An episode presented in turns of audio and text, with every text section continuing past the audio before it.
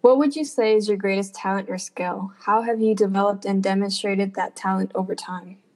I would say that my best skill would be taking um, like a barrier or an issue and turning it into something productive and something that I'm personally proud of.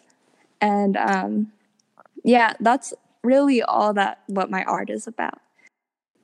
And okay, so I think that I have an affinity for this because, like, not to brag or anything, but I'm pretty smart.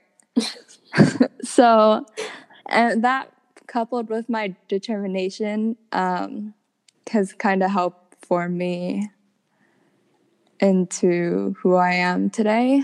Oh, and then, oh, wait, I should talk about like what I have done to be productive. Yeah.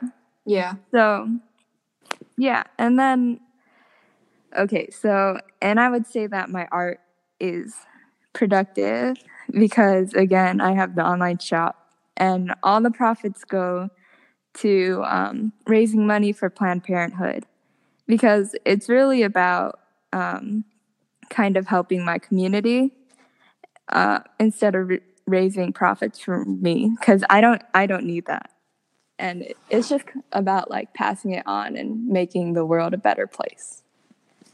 Nice. Thank you. So, does this talent come naturally, or do you have to work hard to develop the skill? Uh, oh, yeah. I had to work pretty hard. um, just like I've always had a pretty murky idea of who I am as a person. And as I'm like developing into my late adolescent, I'm kind of and faced with college and everything and my whole future. It's kind I've been forced to face like what I want to do and my values and everything. Um, and through that process has helped me develop that, my skill in doing things that I'm personally proud of, like art.